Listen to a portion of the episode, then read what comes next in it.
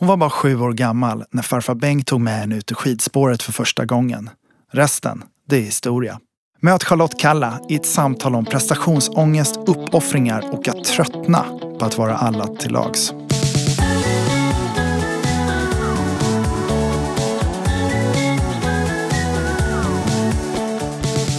Välkommen till Brispodden Charlotte Kalla. Tusen tack för att jag får vara här. Du, hur har sommaren varit? Sommaren har varit väldigt bra. Det känns som att den börjar redan i maj i och med att eh, värmen kom så tidigt.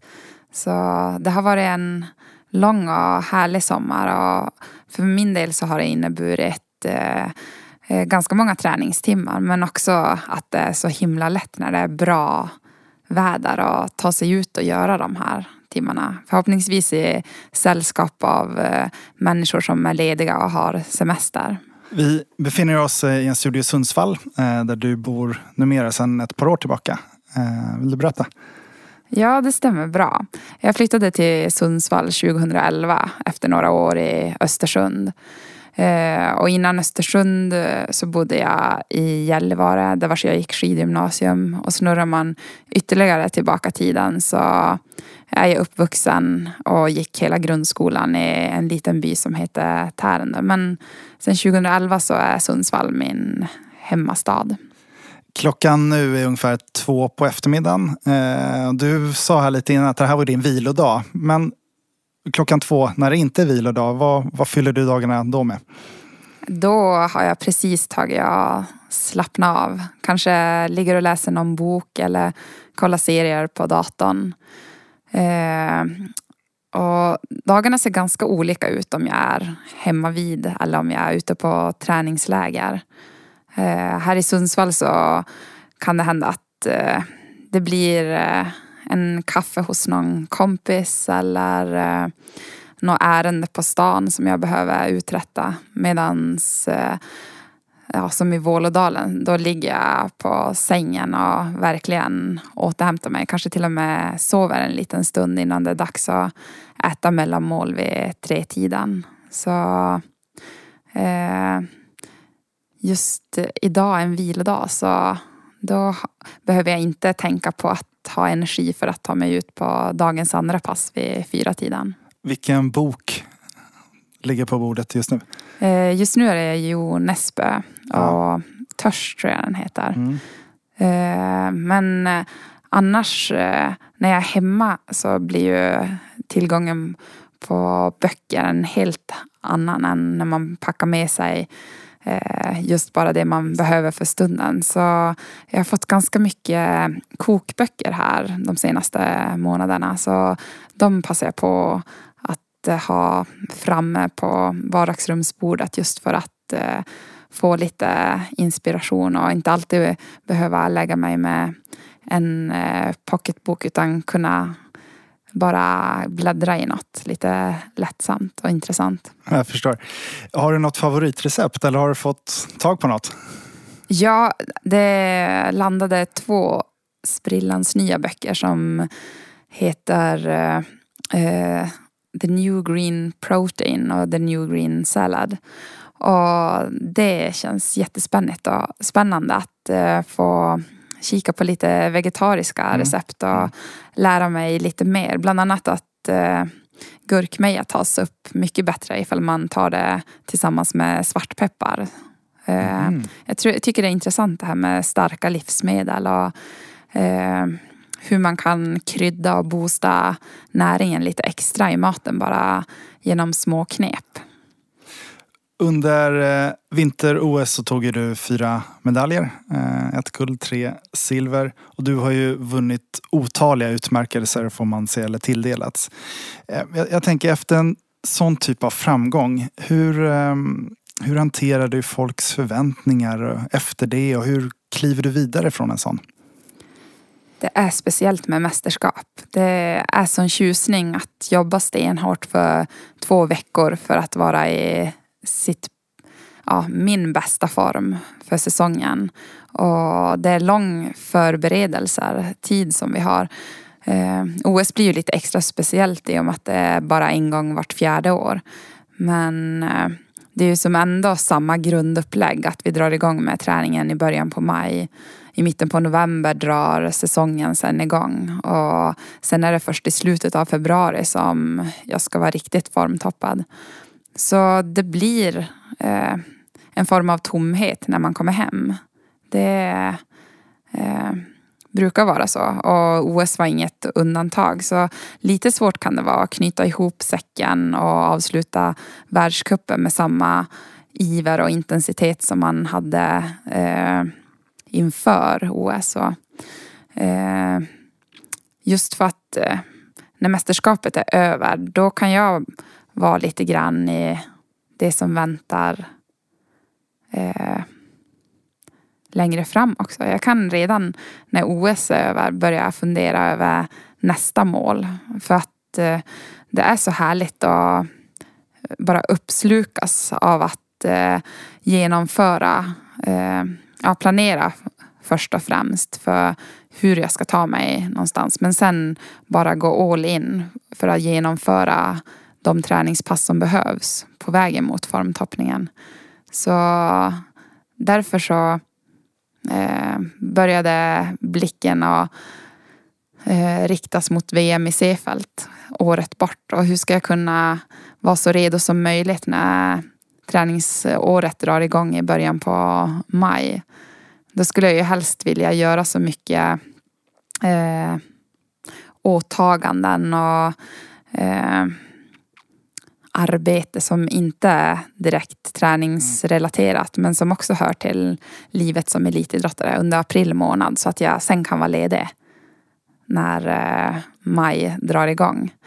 Men sen vet jag ju också att eh, så bra kan ingen planera.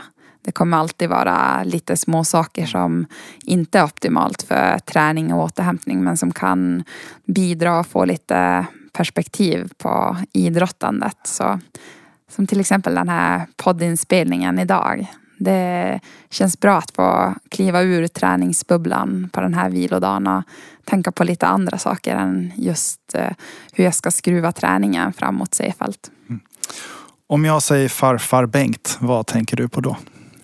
Jag är otroligt tacksam över att min farfar frågade mig när jag var sju år gammal om jag hade lust att hänga med på en skidträning hemma i Tärendö.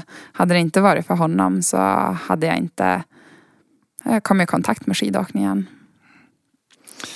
Eh, din farfar sa i en intervju Charlotte njuter av att eh, plåga sig. Stämmer det? jag njuter av det mer och mer. Men jag har länge tyckt att det har varit lite obehagligt just med tröttheten. För ja, jag är lat av naturen. Så.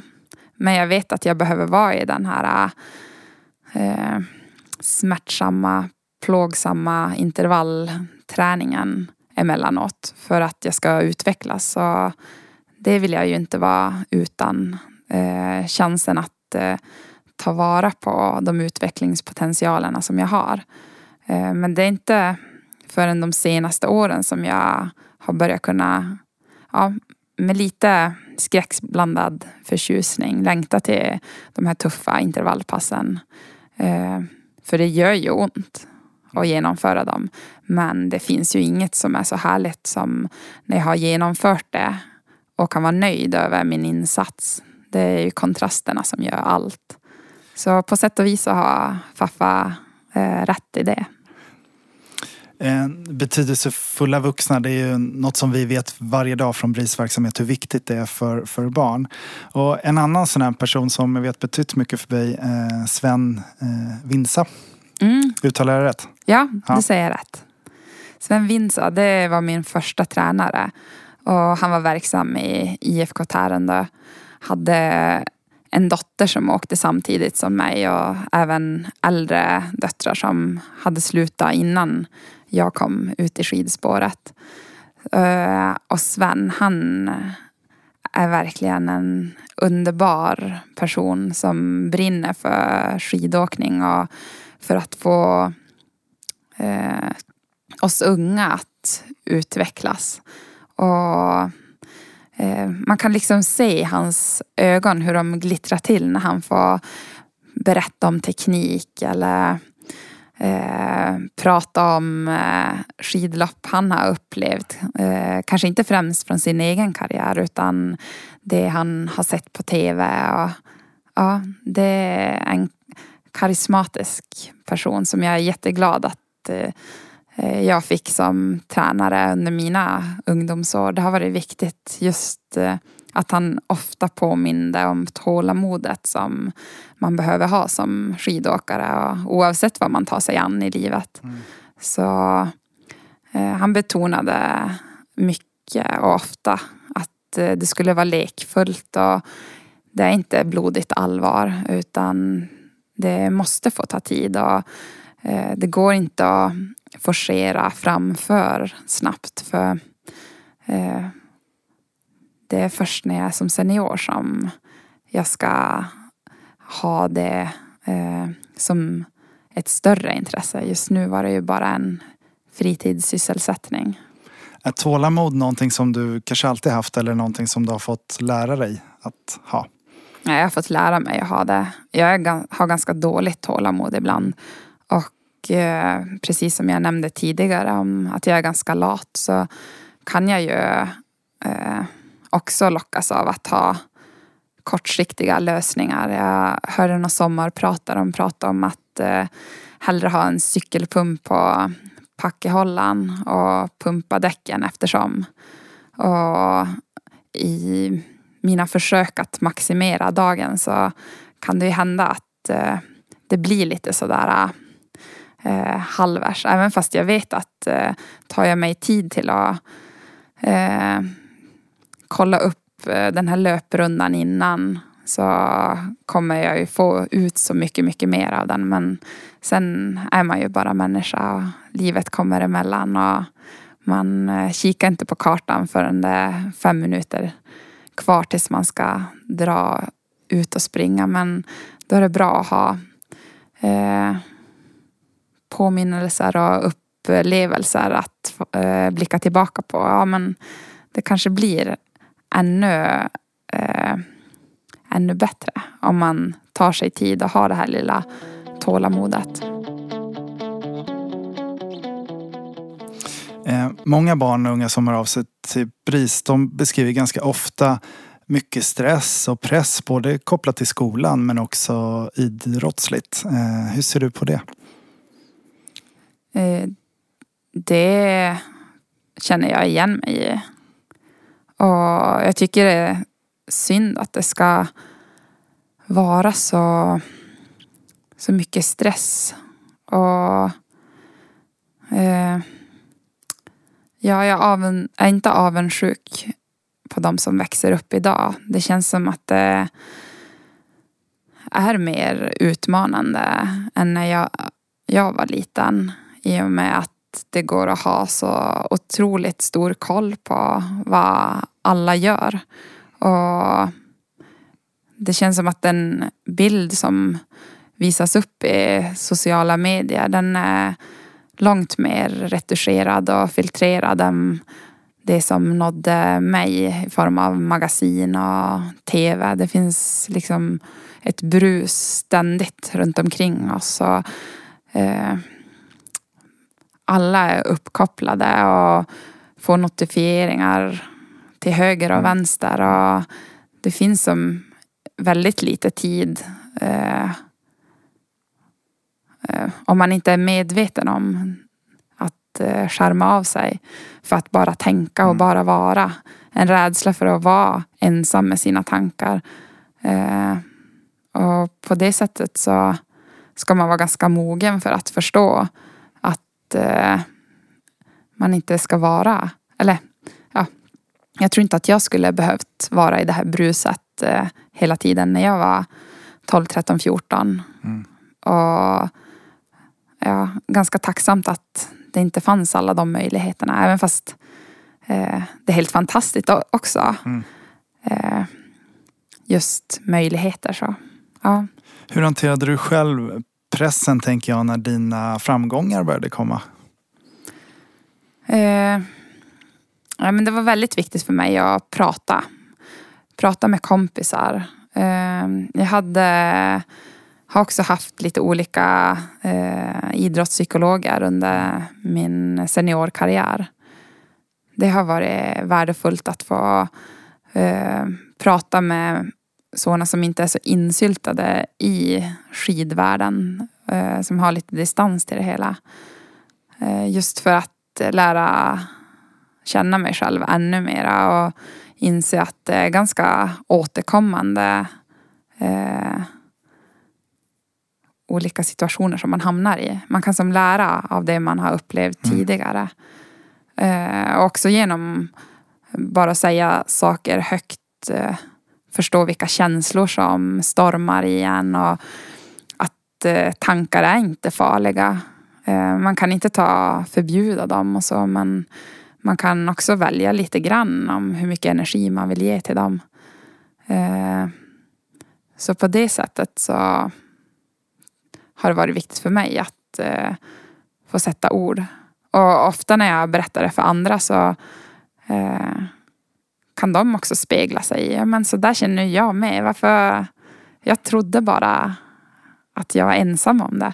Eh, kommunikation har jag insett är jätte, jätteviktigt. Um, om du skulle välja mellan de här två, var i ligger din talang? Är det att träna hårt eller är det att verkligen prestera när det verkligen gäller? Uh, jag tror att det är just förberedelserna som jag har tålamod med. Och eh, de här prioriteringarna som jag gör på vägen till det här stora målet. Eh, att jag är beredd att tacka nej till saker eh, för att ge mig själv möjlighet till återhämtning. Det kanske inte just att jag genomför de här tuffa passen utan att jag eh, ger mig själv tid att eh, vara närvarande när det väl är dags. Eh, genom att inte inse mina begränsningar på något sätt. Jag kan inte vara med överallt.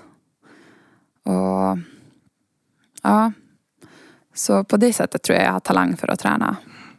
Du har två yngre systrar. Mm, det stämmer bra. Stora syster, hur har det påverkat dig? Eh, ja, vi har aldrig bråkat särskilt mycket, jag och mina systrar. Eh, jag tror att jag har varit ganska omhändertagande och gärna velat eh, hjälpa dem. Eh, men aldrig att det har varit så mycket intern tävling oss tre emellan. Utan eh, ja, jag har nog velat försökt vara en bra förebild. Så. Mm. Och sen har min moster som bara är tre år äldre betytt mycket för mig. Eh, det har varit en person att se upp till och eh, just den här eh, tätheten i ålder så såg jag ju vad det innebar för några möjligheter när hon fick börja grundskolan och fick lära sig massa saker. Så på det sättet så har det varit eh, jättekul att ha en liten form av stora syster där mm. för mig. Du har sagt att din mamma och dina mostrar är dina idoler. Eh, på vilket sätt? Eh, jag tycker att de är positiva och vill se möjligheter. Eh, och så eh, behåll, att de behåller sin integritet och vågar säga ifrån. Det är egenskaper som eh, imponerar på mig. Att eh, våga se till sina egna behov och inte bara eh, omgivningens förväntningar. Det är alldeles för ofta som det man tror att andra eh, vill att man ska göra. Att det får styra vad man fyller dagarna med. Eh, att det är så mycket man går omkring och funderar hur man ska passa in och glömmer bort sig själv. Vad jag behöver för att må bra i vardagen. Mm. Måndag till fredag. Stressar på alldeles för mycket. Sedan i våras så är du prisambassadör eh, med ett särskilt fokus på att lyfta frågor kring psykisk ohälsa. Vill du berätta? Ja, jag har länge funderat på vad jag skulle vilja lägga min energi på. I och med att eh, det är ju många olika frågor och inom olika områden eh, som jag har fått möjlighet att vara verksam i. Eh, i och med mina framgångar. Men just psykisk ohälsa är något som ligger mig varmt om hjärtat. I och med att jag tycker att eh, det händer så fort och så mycket. Eh, och rapporteringen om hur många unga som mår dåligt. Eh, det är något som berör mig. Jag tycker inte det borde vara så. Alla har rätt och alla barn har rätt att må bra. Och eh, därför tog det lite tid innan jag valde eh, vilken väg jag skulle gå. Så när eh, vi träffade BRIS första gången, jag och Olle som hjälper mig med samarbeten, så var jag så glad in i hjärtat över att ha hittat till den här fina organisationen. Det kändes så rätt och glad också att det fick ta lite tid innan eh, det blev ett samarbete för att det ska bli något bra av det. Mm. Och det har varit helt fantastiska dagar. Eh, de gånger jag har fått besöka kontoret nere i Stockholm. Och ja, eh, läskigt också. Att komma så nära verkligheten. Eh, men också att jag blir eh, riktigt varm när jag ser vilken skillnad ni gör. Det finns ett så otroligt stort engagemang. Så, ja, det går som inte att beskriva i ord hur mycket det här betyder eh, för barn och unga i Sverige. Jag tänker att när du tränar skidor så föreställer jag mig att du sätter upp ganska tydliga målbilder av att kanske stå där på pallen eller vad det kan vara. Jag tänker när du engagerar dig dig i BRIS. Har du liknande, på ett, eller på ett liknande sätt en målbild eller vad du vill med ditt ambassadörskap? Ja, alltså jag hoppas ju att eh, fler kommer att ansluta sig som barndomsvän. För alla kan göra skillnad. Det behövs så himla lite. Precis som att jag tror att eh, alla kan göra det lilla i vardagen för att eh, hjälpa miljön på traven så är det så litet steg som krävs för att anmäla sig som barndomsvän. Så ja, det hoppas jag. Psykisk ohälsa är ett ämne som du engagerat dig extra mycket kring eh, i BRIS arbete. Har du egna erfarenheter av det? Ja, men just den här nervositeten som den är ju av godo i tävlingssammanhang. Men jag vet också att det är en ganska hårfin gräns för att eh, det ska tippa över. Och eh, när den nervositeten tar över hand och finns där eh, för stor del av eh, vardagen. Det är ju en enorm tillgång när jag väl ska ställa mig på startlinjen. Att jag känner fjärilar i magen. Men eh, när det blir ältande över eh, prestationer som redan är gjorda och eh, dåligt mående och eh, hårda ord till mig själv. Då vet jag att det har gått för långt. Det är inte uppbyggande på något sätt. Och det har tagit tid för mig och något som jag fortfarande behöver påminna mig själv om att eh, vara mer i nuet. Eh, påverka det jag kan påverka just nu och låta det andra vara därhän. Eh, men jag vet ju att resultatlistan betydde bra mycket mer under mina ungdomsår och i början av seniorkarriären än vad den gör idag. Idag försöker jag fokusera mycket mer på min prestation och som sagt eh, inte oroa mig för framtiden utan jag vet att eh, det jag kan styra över det är vad jag tänker, agerar just här och nu. Vilka reaktioner har du fått från omgivningen? Jag tänker kanske både privat men också professionellt eh, genom ditt engagemang i BRIS. Jag har fått jättemycket kärlek. Det är helt galet vad eh, mycket värme som eh, det kommer från människor när BRIS kommer på tal. Och eh, det var med stor stolthet som vi hade presskonferensen och Eh, ja, alla sammanhang som jag får förknippas tillsammans med BRIS. Det är något som verkligen sticker ut. Det är något helt annat än eh, eh framgångar. Så det, det är livet. I början av din eh, karriär så upplevde kanske en del journalister att det fanns någonting lite Stenmarkslikt eh, i, i dina eh, kanske ibland korthuggna svar och lite eh, skygg blick. Vad tänker du när du hör det? Eh, ja, men jag tänker att det var tävlingsdjävulen där som eh, spelade ett spratt eller kom och hälsa på. För det är väldigt svårt att hålla tillbaka känslor. Eh, tänker speciellt tillbaka på Tour de Ski och genombrottet där. Det kändes nästan som att hela den där tävlingstouren var regisserad. Det var så mycket som hände. Det var jag tappade en stav på sprinten och var tjurig för det. Och jag ramlade på näst sista etappen och just där var jag föll av banan så var en mikrofon placerad. Så det blev ju ganska tydliga ljudupptag där och vad jag svor när det inträffade. Och så just den här dramatiken då på sista etappen när jag eh, knappade in på finskan, kom ikapp i rygg och drog ifrån. Så det kanske är de där tjuriga, dråpliga fallen och så som i början som eh, får dig att tänka på den liknelsen. Jag vet att i en intervju i Expressen 2014 så sa du, jag är less på att vara alla till lags.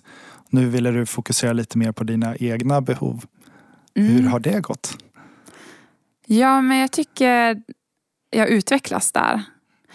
Eh, jag kommer ju aldrig bli fullärd. Det är ju en egenskap som jag har att jag gärna eh, glädjer andra.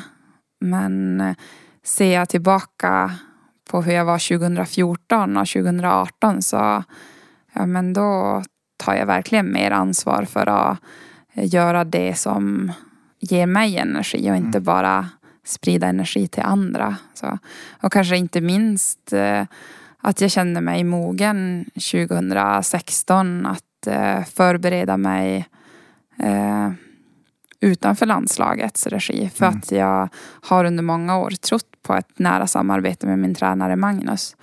Så de två år som jag hade utanför landslagets träningsverksamhet till november har lärt mig otroligt mycket om mig själv. Och ja, jag är jätteglad att jag tog den chansen just för den personliga utvecklingen. Och sen var jag ju övertygad om att eh, får jag mina behov tillgodosedda så kommer det bli bra resultat i skidspåren. Men innan dess så var jag inte redo och tillräckligt modig för att fatta de besluten. Vad är det du har lärt dig eh, av detta? Jag har lärt mig att vara lite mera chef. Eh, att ta ännu mera ansvar över min satsning. Eh, det var väldigt viktigt att eh, just bara ställa mig frågan vad är det jag behöver egentligen i en träningsvardag för att eh, nå mina resultat och eh, vara i så bra form som möjligt. Hur behöver ett lägerår se ut? Vad ska jag fylla dagarna med? Och kanske framför allt, vad behöver jag plocka bort? För jag kommer inte kunna få plats med allt. Så det har blivit tydligare. Mm. Eh, sen 2013 så har du en mental coach, psykologen Thomas Nilsson. Eh, varför tog du kontakt med honom? Det var efter en period när jag inte hade haft idrottspsykolog på något år. Mm. Och eh, det var inte så att jag kände att jag hade ett problem som jag behövde ta tag i. Och det är nog ofta många som väntar ända tills det inte går något längre. Men jag kände ändå att jag, ja, det finns saker som jag skulle kunna skruva på detaljer som skulle kunna bli ännu bättre. Och så hade jag hört att min klubbkompis Magdalena Pajala jobbade framgångsrikt med just Thomas. Så jag frågade både henne och Thomas ifall eh, om det var okej okay för Magda att jag även tog kontakt med Thomas och om Thomas var beredd att jobba tillsammans med mig. Och eh, det var han. Det är jag jätte, jätte tacksam över. Det har varit en spännande resa och det är en spännande resa att vara på. Så där i backspegeln, det har gått några år sedan mm. det här första tillfället. Vilken skillnad har det gjort tycker du? Massvis.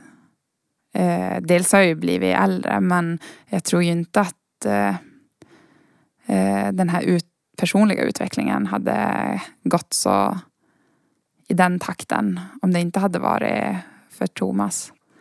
Och det kommer jag ihåg så väl när vi började samarbeta att han sa Ja, jag kan inte lova dig att eh, du får ett problemfritt liv. Det tror jag inte heller att du vill ha, sa han.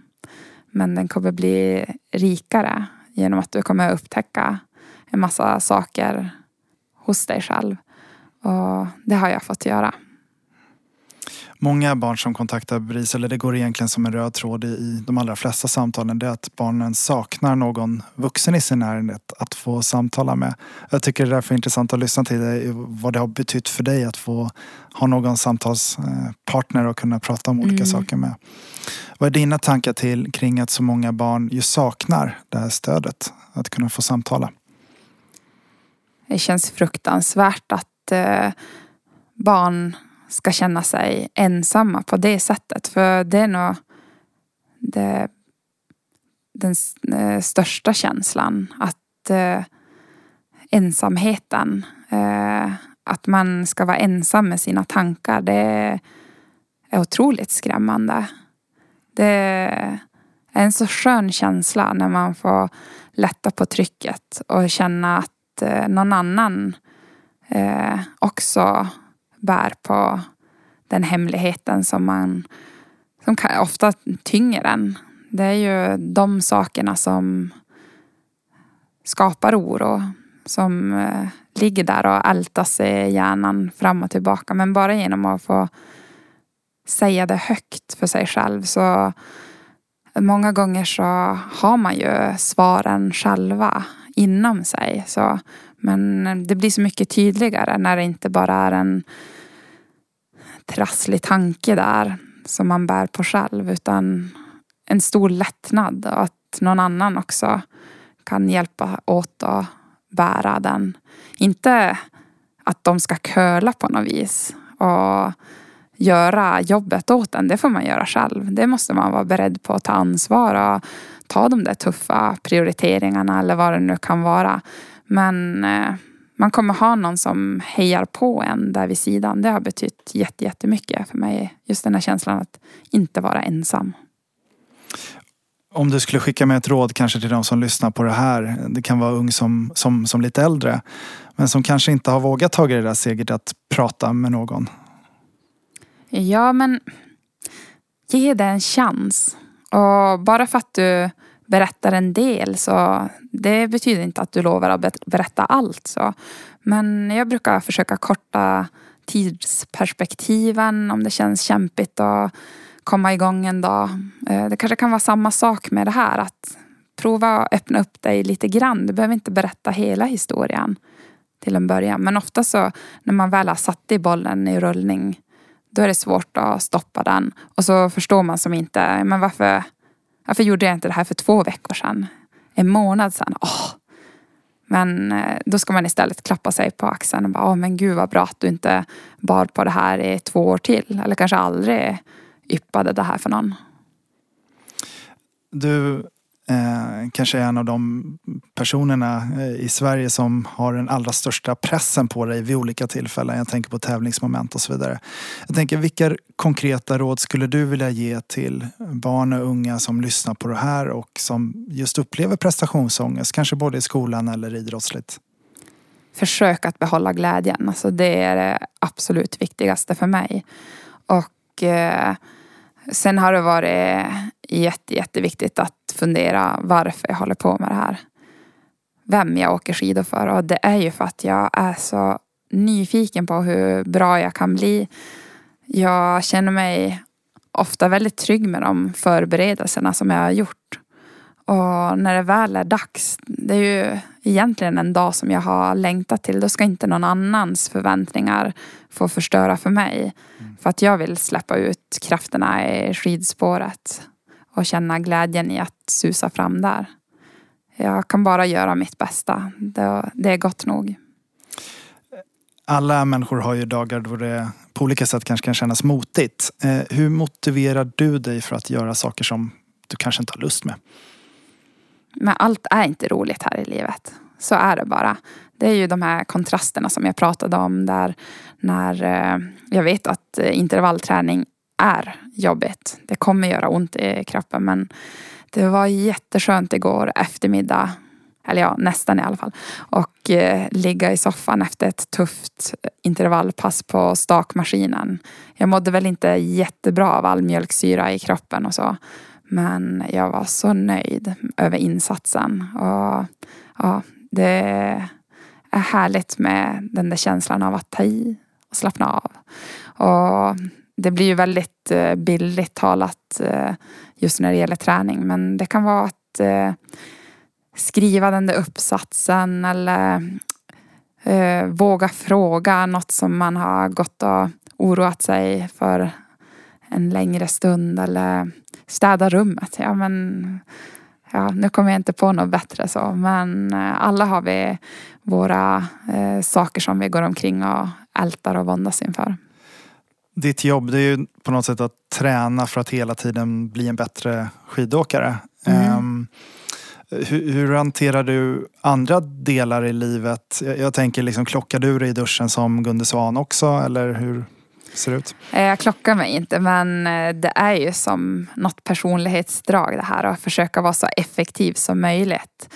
Hur snabbt kan jag egentligen eh, eh ta mig från träningsspåret Eh, till eh, viloläge på soffan och då ska det innefatta och plocka undan utrustning, hänga upp träningskläder, duscha, laga mat och sen eh, eh, trycka på kaffemaskinen och få den här koppen kaffe och bara njuta av eh, att etapp två, eller nej, och njuta av att första etappen på träningsdagen är genomförd. Så eh, då kan jag vara ganska eh, tycker det är en utmaning i det också. Att effektivisera tiden runt omkring träningspassen så mycket som möjligt.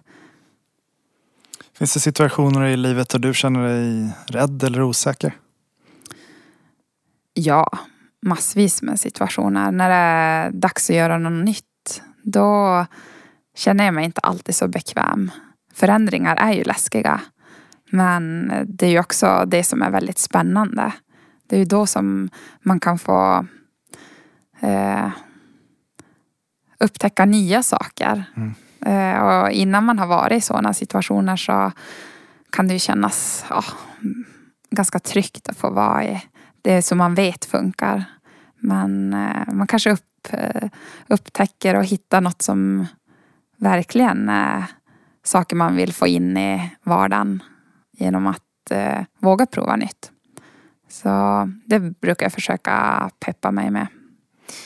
Jag vet att du har ju tränat hemma hos både Marit Björgen och Therese Johaug. Och det, här. det är intressant, ni är ju på ett sätt konkurrenter, eller ni är ju konkurrenter. Men, mm. men hur funkar det?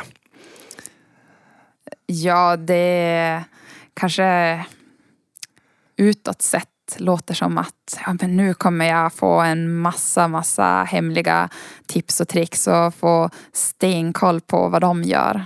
Men det har ju främst varit resor till Norge för att lära känna dem ännu bättre. Och, eh, det är två otroligt ödmjuka tjejer och jag trivs väldigt bra i deras sällskap. Så, så jag är jätteglad över att fått eh, lära känna både Marit och Teresa på ett eh, djupare plan än vad det blir när man träffas ute i träningsspåret eller eh, ute på tävlingar. Så det blir ju umgänge på ett helt annat sätt när man blir hembjuden till dem och får chans att hänga några dagar.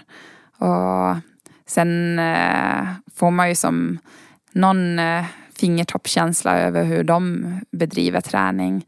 Men eh, jobbet ska ju göras. I, och då tycker jag att det har varit en stor förmån och tillgång att få genomföra några träningspass i härligt sällskap. Få se ny träningsterräng men framförallt allt bara skratta och dela både eh, ja, glädjeämnen och eh, saker som man har tyckt kanske varit utmanande och lära av varandra på det sättet. För eh, ja, det är många färger som finns när man granskar paletten eh, i en elitidrottares vardag.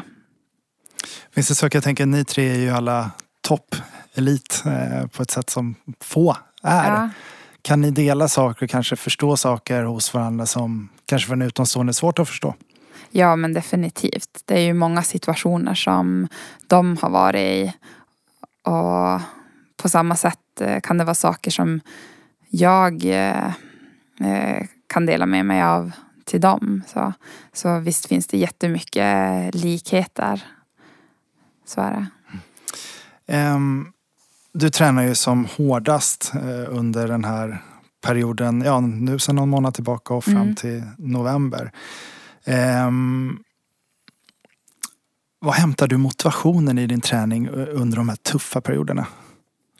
Det är ju i viljan att vara i bra slag eh, under mästerskapen. Jag vill ju ha fina lopp fram till det är dags för VM eller OS också under världscupen. Men jag vet att de här träningspassen har ett syfte för att jag ska vara så förberedd som möjligt när det drar igång.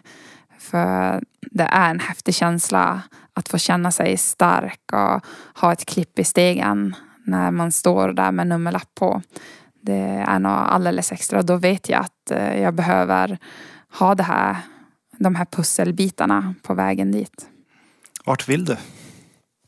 Jag vill eh, till formtoppen i Seefeld 2019.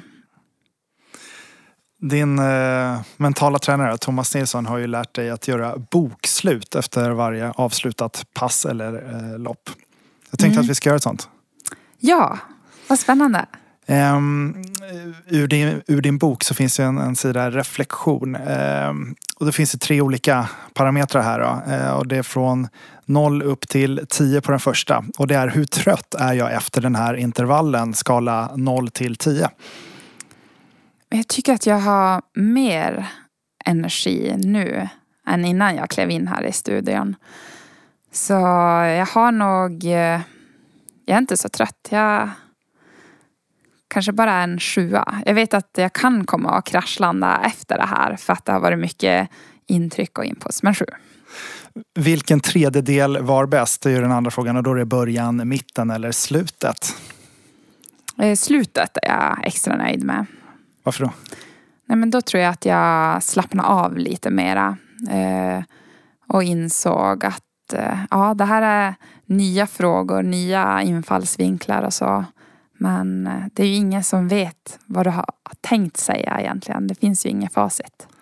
Och den sista, hur nöjd är jag med genomförandet 0 till 10? 10. Jag tycker jag var jättemodig och eh, vågar vara väldigt ärlig med mig själv. Så så ja, en bra prestation det här. Tack för att du var med i Brispodden. Tack för att jag fick vara med. Vill du precis som jag kämpa för en bättre barndom? Bli barndomsvän på bris.se.